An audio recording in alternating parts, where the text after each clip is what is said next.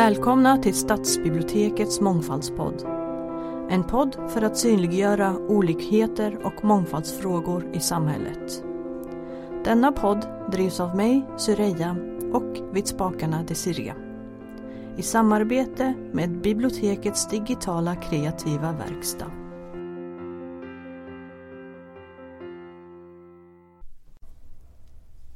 Välkommen Kajsa Ritz Tack. ifrån Novahuset. Tack så mycket.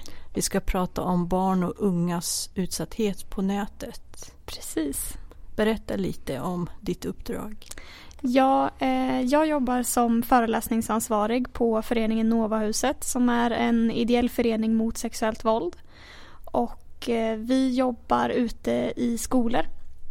Bland annat, vi står som på tre ben och, och det ena benet är vårt förebyggande arbete som är att vi är ute på skolor och eh, föreläser och pratar med barn och unga om eh, internet och sex.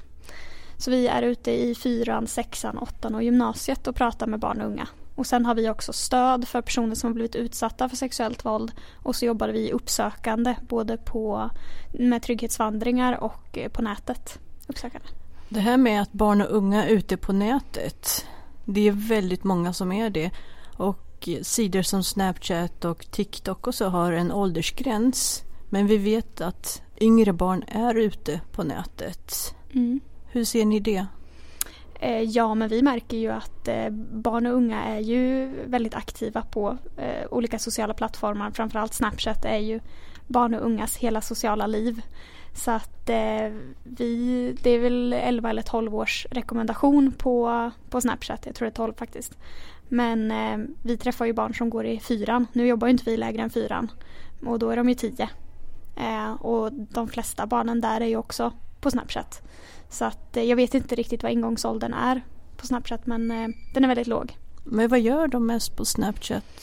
Snapchat är ju en kommunikativ app så de eh, pratar med varandra och har olika grupper som de har både kring eh, klasserna eh, de går i brukar ha eh, klasschatter och också kanske om man spelar Pokémon Go eller rider eller fotbollslaget eller så. Så de har eh, så som man kanske tänker att det var när man själv var ung och man hängde på byn eller så. Så är det ju mer på Snapchat nu. Tanken med Snapchat kanske var god. Det är att man ska kunna prata med sina kompisar. Men den har en mörk sida också. Bland annat Snapchat. Ja, så är det ju. Alla förövare finns ju där barn finns. Och så har det ju alltid varit. Och så fortsätter det även på nätet. Så att även om barnen sitter hemma i soffan så kan ju förövaren nå barnet om barnet är på internet. Så att eh, så är det ju, absolut. Hur, eh, hur ser ni att föräldrarna är engagerade i sitt barns internetanvändande? Ja, det ser vi inte så mycket av. Vi erbjuder ju också föreläsningar för eh, både yrkesverksamma och vårdnadshavare. Och vårdnadshavare är ju det svåraste för oss att nå ut till. Och när vi pratar med barn i klasser så brukar vi fråga om de har pratat med vuxna om internet någon gång. Och det har de ju väldigt sällan och i de fallen då de har det så har ju vuxna pratat på fel sätt med barnen så barnen har liksom inte riktigt förstått vad de vuxna menar. Så att samtalet har inte gått fram ändå. Så barn har bara blivit inkastade i den här jättestora världen utan att ha fått någon introduktion i den egentligen. Hur ska man som förälder kunna hjälpa sitt barn om man inte kan sitta ner? Vad... Alltså dels måste man ju först förstå det här med filterbubblor. Att här, bara för att du som vuxen har Snapchat så ser din Snapchat inte likadan ut som barnen och du blir inte kontaktad av samma typer av personer som barnen blir kontaktade av. Samma sak på Instagram och TikTok så ser ju flödet olika ut beroende på vad man tycker om och vad man gillar och vilka man följer och sådär. Så att man har inte koll bara för att man själv har den sociala medien utan man måste prata med sitt barn och fråga hur är ditt liv på internet och hur ser det ut för dig? Och prata med barnen och inte bara säga du får inte ha Snapchat eller du får inte göra det eller så här ska du ha det. Utan att man faktiskt har en diskussion med sina barn. Det är superviktigt. Vad är TikTok för något? TikTok är också en eh, social medie som går ut på att det är korta filmklipp egentligen som man tittar på. Den är ganska lik Instagram men ännu kortare filmer eh, som rullar i ett flöde. Typ som på, eh, på Facebook så kan man ju få upp eh, olika filmklipp fast kortare. Är det. det är mycket danser och lite olika utmaningar och sånt som är på TikTok. Förekommer det att det finns förövare även på TikTok? Ja, det är ju, alltså förövare är ju precis överallt. De är precis överallt. Ja, så är det. Det är väldigt intressant. På TikTok så ser man ju barnens ansikte. Snapchat finns det en avatar. Mm. Ehm, och då ser ju förövaren att det är ett barn på TikTok. Men på sidor som Snapchat exempelvis. Mm. Om inte barnet själv avslöjar sin ålder eller på något sätt avslöjar det. Mm. Hur vet då förövaren? Men förövaren är ju inte alltid den här som när vi var barn. Då sa de fula gubbar. Ja, precis. Nej men förövare kan ju vara väldigt många olika typer av personer och, och de testar ju bara. Det är ju, och det, sen är det ganska lätt att märka om en person är vuxen eller ett barn om man initierar kontakt med den personen. Mm. Så märks ju det ganska fort beroende på hur den pratar och, och vad de pratar om. Så är det ganska lätt att märka och förövare är ju superduktiga på att veta om det är ett barn eller inte som de pratar med. Så om jag upptäcker att mitt barn blir kontaktad av en som inte är så snäll. Mm. Ska jag då ta ifrån telefonen från mitt barn och säga aldrig mer? Nej, gärna inte. Alltså det blir ju tokigt ofta när, när vuxna märker att barn har blivit utsatta just för att man tänker att man vill skydda sitt barn så himla mycket. Så då tar de telefonen eller surfplattan eller tillgången till internet ifrån barnen. Det som händer då det är ju ofta att barnen upplever sig som straffade för att de har berättat. Så att de sluter sig, de kommer inte berätta nästa gång och de kanske blir ännu mer risktagande på internet för att de inte längre pratar med den. Så det är viktigt att, och det, så är det oavsett när barn berättar om utsatthet, att man inte straffar dem för det. Men det är ju också svårt för man blir ju orolig som förälder och vill ju inte att de ska fortsätta bli utsatta. Men eh, det är så viktigt att de inte blir straffade i sitt berättande. Nej, ingen förälder vill ju att ens barn, det ska hända någonting Nej. med ens barn. Nej. Och det är eh, som du säger att man ska prata med barnen Mm. och kanske inte alltid till dem. Nej. Och eh, det här med att förbjuda en telefonen det kanske man kan göra en, två dagar. Men eh, hela ens sociala liv idag är på nätet. Det är sällan man ser barnen ute på gården nu för tiden Ja, och sparka verkligen. boll och Ja. åka skridskor och vad de gör utan de, är, de träffas via Mm. nätet. Ja, och så är det. Och det är ju ett samhälle som vi också som vuxna har varit med och skapat. För jag tycker att vuxna är ganska duktiga på att skylla allt det här på barnen och säga ja men ungdomar idag det är så hemskt, de är inte ute och de är inte så och så. Men det är ju vi som har hjälpt till och skapat det här och det är ju också vuxna som ger barn tillgång. Och då är det ju vuxna som också måste lära barn att hantera internet. Och det, det är ju en enorm tillgång, det finns ju massor bra på internet som barnen bör få lära sig. Men man måste ju lära dem att, att hantera det. Barn gör ju inte som man säger, de gör som man själv gör. Precis, så är det ju. Och ehm, det finns ju väldigt läsandet, vi är på biblioteket nu och läsandet eh, går ju ner i, Mm. vid, eh, när man kommer upp i tonåren. Och det finns olika former av läsning. Att vara på Snapchat är ju ett sätt att träna sin Mm. läsning på. Men eh, vi hade ju önskat att barnen också kom hit och lånade böcker. För de Mm. antal timmar som läggs på på sociala medier, Mm. två, tre timmar per dag kunde ha lagts på en bok. Mm. Och då om föräldrarna följer med och eh, lånar böcker i internetanvändande exempelvis. Precis. Ja, absolut. Berätta lite om influencers. Ja, det är ju idag de personerna som är kända i princip. Det är ju där man blir känd för att vara en influencer och då har man kanske en Youtube-kanal. Ofta har de varit med i olika realityprogram eller så. De tar ju ganska lite ansvar för sin målgrupp. Och det är det som ibland kan bli lite konstigt i att barn och unga följer influencers vars kanske mening är att det är vuxna personer som följer fast deras medelålder på följare är högstadiet, mellanstadiet. Vilket innebär att de får material till sig som kanske inte är ämnat för, för deras ålder. Har de något ansvar influencers? Vad har vi som föräldrar för ansvar? Ja, alltså vi föräldrar har väl det största ansvaret i och med att det är deras, deras barn och det är de som ska filtrera. Mm. Eh, Så är det ju. Och Mm. influencers de kan ju inte ta det ansvaret. Eller man kan ju önska att de gjorde det.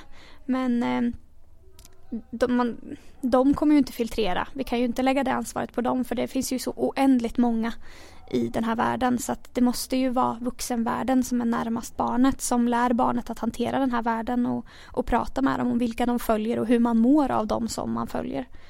Och det som man ser på TV det är inte alltid det som är, är verkligheten utan det är klippt och skuret och det är Precis. lite, inte påhittat men det är lite redigerat. Ja, och barnen, så. måste man prata med barnen om att det här riktigt inte stämmer och det är inte alltid ja. så. Ja men ofta, vi pratar ganska mycket källkritik med barn idag men då pratar vi källkritik kring eh, ska man säga, nyhetskällor eller kanske Wikipedia och den typen av källkritik. Vi pratar ganska lite källkritik på sociala medier och ryktespridning på sociala medier. Men det är ju dit vi måste ta källkritiken nu. För att många barn och unga kan ju bli väldigt upprörda över eh, olika rykten som går på sociala medier kring olika influencers och sådär. Men eh, det kanske inte riktigt stämmer helt, de ryktena som går. Och ryktesspridning i skolorna? Ja, det har Ser ju alltid det? varit problem och uh -huh. det kommer väl alltid kanske vara problem men det är någonting som man måste jobba med hela tiden. Och detta det. kan få förödande konsekvenser för ett barn som blir utsatt. Ja, verkligen. För det är ju fortfarande så. Många gånger så är det ju offret som blir utsatt för ryktesspridning snarare än kanske den som har utsatt personen. Så att offret får hela tiden flera konsekvenser mer än själva utsattheten. Många skolor jobbar med värdegrundsfrågor. Mm. Skulle du vilja att eh, skolorna tog upp lite mer angående internetanvändning och sociala ja, medier? Jättemycket mer hade jag önskat. Absolut. Så som?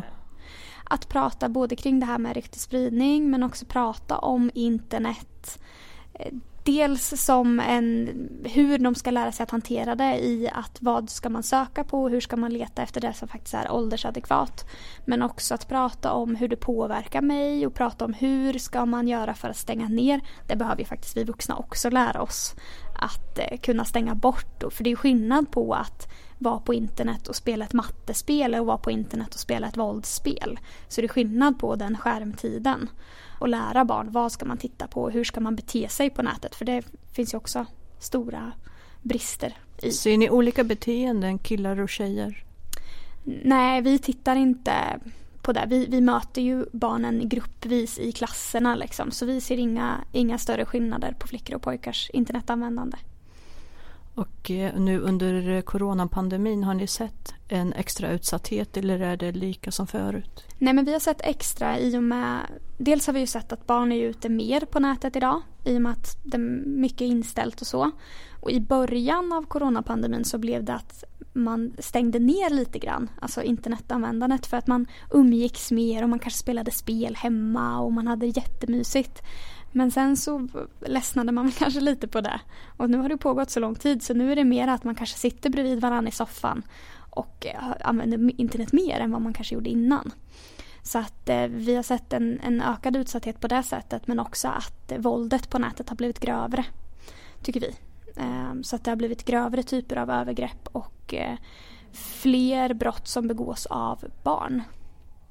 Och i klasser liksom. Som... I klasser. Mm. Men så man kan sitta bredvid sina föräldrar mm. och bli utsatt för någonting på mm. nätet. Precis. Men om ens föräldrar har tagit ifrån en mobilen en gång så vågar man inte säga vad det är som sker Nej, fastän man sitter bredvid mm. varandra. Ja.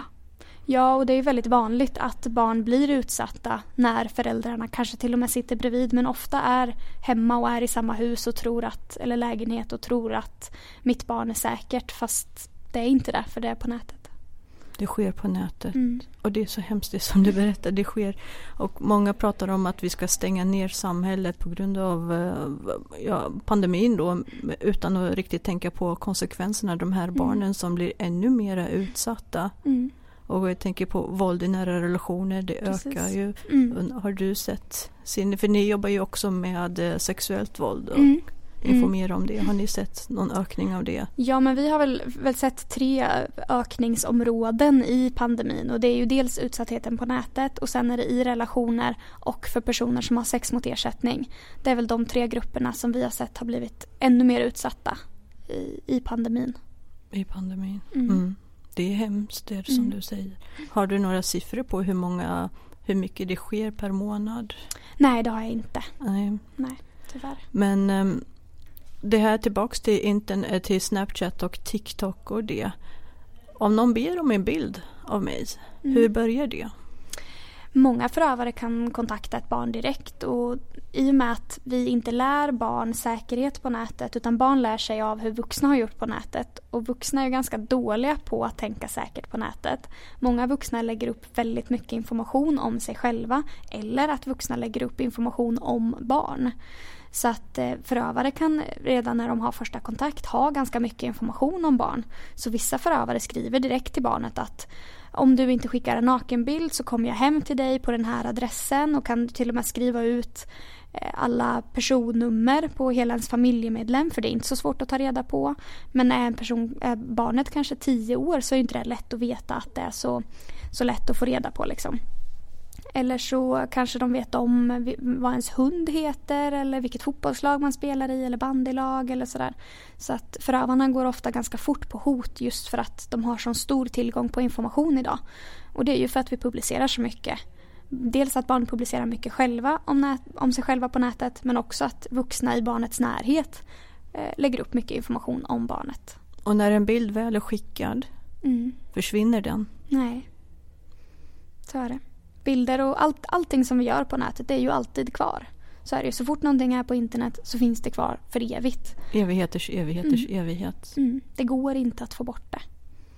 Men du sa det att vi vuxna är väldigt mycket på nätet och berättar om oss själva. Mm. Och eh, Är det en del av det här att självförverkligandet och bekräftelsen som på något sätt förs över mm. vidare till barnet Precis. utan att vi tänker på konsekvenserna mm. av det. Ja. Men det finns ju också mor och farföräldrar mm. lägger ut väldigt mycket bilder mm. på sina barnbarn. Mm. Och barnbarnen kanske inte alltid är fullt påklädda. Sådana bilder har jag också sett. Mm. Eller vad tänker du om det? Alltså, jag tycker att det är jättehemskt att många barns första möte med internet är ju att deras egen integritet bryts att folk lägger upp information och bilder om det här barnet som de inte har samtyckt till. Och många barn, nu kommer jag inte ihåg siffran, men alltså det är tusentals bilder och information om dem som finns på internet när de bara är 3-4 år. För att man lägger upp, man använder sina barn i sina egna sociala kanaler för att få likes. Och så ska det ju inte riktigt vara. Men det finns ju också familjemedlemmar där man bor väldigt långt ifrån varandra mm. och det är enda möjligheten att se, mm. träffas via, via nätet och eh, det är ju ett sätt att hålla kontakten också. Mm. Precis, ja så kan det också vara men det är ju väldigt viktigt att man tänker igenom Gör jag det här för mitt barns skull eller gör jag det här för en annan persons skull? För att barnen måste ju vara i centrum när de växer upp, så är det ju. Och på tal om integritet så har vi ju faktiskt ratificerat barnkonventionen. Precis. Och en av artiklarna där i är mm. just det att respektera barnets integritet. Mm. Och det är ju eh, väldigt spännande att se hur det här kommer att implementeras i Sverige nu eh, kopplat till nätet och hur det här med sharenting, att föräldrar och närstående lägger upp väldigt mycket information om barn som de inte samtycker till. Liksom. Och barnen lägger upp själva för att man kanske inte har pratat med Nej. barnen om Alltså det här är inte så Nej. klokt. Nej och, och, vi kan ju inte förvänta oss att barn ska sätta sig ner och fundera kring Oj, undra hur det är på nätet, undra om det här om vem som helst kan få tag på den här informationen eller undra om det här alltid kommer finnas på nätet.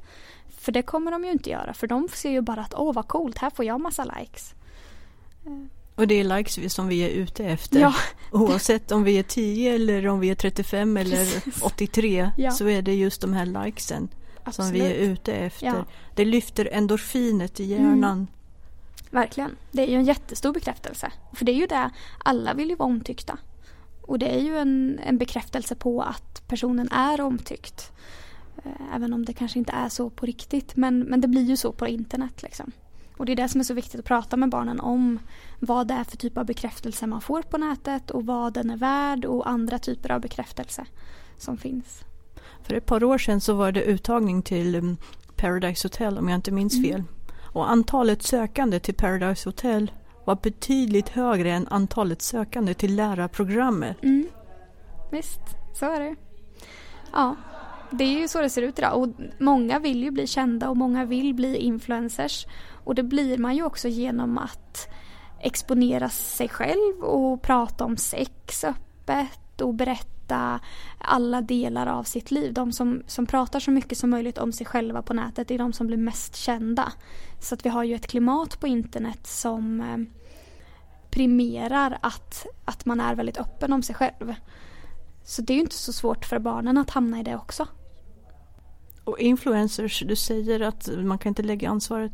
Eh, lite av ansvaret ligger på dem hur de eh, pratar, hur de uttrycker sig, vad mm. det är de gör. För barnen tar efter det och det är um, oftast flickor som tar mm. efter det. Mm. För ett par år sedan så fick eh, Malala mm. Nobels fredspris. Och hon blev skjuten i huvudet mm. av, av män som inte tyckte att flickor ska gå i skolan. Mm.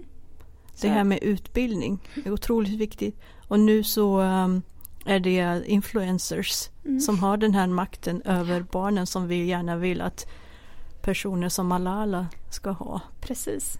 Ja men och, och, så är det ju. Jag önskar ju varje dag att influencers tog ett större ansvar i vad de faktiskt lägger ut och hur det påverkar vad ska man säga, de som tar emot det hur det påverkar dem. Mm. Men det tror jag kommer vara väldigt svårt att få dem att göra det. Det finns ju vissa som är jätteduktiga och som tar väldigt stort ansvar.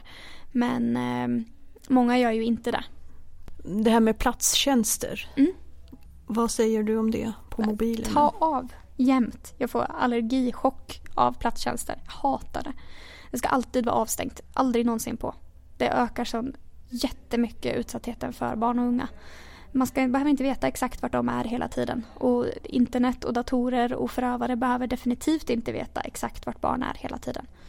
Så på mobilen när man letar efter en gata och när man mm. har hittat sin gata ska man stänga av sin platstjänst efter det? Jag menar du typ Google Maps och Google sånt? Maps. Ja, nej, sånt kan man ju ta på när man letar efter något eller så. Men att ha platstjänster på, på till exempel Snapchat, alltså kartan och, och andra typer av sociala plattformar där platstjänster finns med. Då ska det vara avstängt då det bara ska visas för att det är kul att se vart någon är. För det är ingen som behöver veta det. För många, många föräldrar som jag träffar säger att de ska ha det på för att ifall deras barn blir kidnappade så är det bra att ha platstjänster på. Fast det ökar utsattheten ännu mer med platstjänster. Så är det. Vad söker barnen på när de är på nätet förutom eh, sina influencers? Är det nya skor eller eh, fotbollslaget? Eh, det är olika pojkar och flickor. Nej men det, det, är nog olika, det är nog väldigt individ, individbaserat vad de söker på och vad de följer. För det är ju så att sociala medier och, och, internet går ju att bygga upp precis som man vill. Man omger sig av exakt det man vill. Och det är det som blir det här med filterbubblor att det är ju sådana enorma skillnader på vad jag, vad jag ser på mina sociala kanaler och vad du ser och vad en tioåring ser och, och vad tioåringar ser mellan varandra. Mm, mm, mm. Så att det är ju väldigt individbaserat. Vad vill du säga slutligen till barnen? Prata med vuxna. Det är det absolut viktigaste, att prata med vuxna när det händer någonting och berätta för vuxna hur vardagen ser ut. Och till vuxna? Prata med era barn. Det är så viktigt är det, att göra det. Och det är en ganska tuff och hemsk värld och jag önskar att jag kunde erbjuda något annat än att prata någon strategi eller något. Men att så här, prata med era barn det är det viktigaste vi har. Att prata med dem och inte bara prata till dem som jag sa i början. Utan att fråga hur deras värld på, på internet är, vart de hänger, vad de gör, vilka de pratar med och hur de tänker kring säkerhet på nätet och att man har samtal med barnen kring hur tänker du kring säkerhet och hur ska vi göra för att du ska vara trygg. Och inte bara en gång utan upprepande gånger. Varje dag. Varje dag. Mm. Och precis som man ska vara insatt i vilken, tränare barnen har i sin sport och vilken lärare de har så ska man vara insatt i hur är deras vardag på nätet. Det ser ut. Mm. Vi ser fram emot en någorlunda lugn julhelg. Men ja. som sagt, barnen är hemma, vi är hemma. Och eh, att man sitter bredvid varandra i soffan innebär inte det att det inte sker någonting. Nej. Precis. Det är utmärkt tillfälle nu när man är ledig några dagar att prata med barnen ännu mer och umgås lite mer. Verkligen. Om uh, vad som sker. Precis. Inte ta ifrån mobilen. Ja, verkligen. Tusen tack Kajsa tack för att du ville komma till oss. Tack så mycket. Och god jul önskar jag dig. Ja, god jul.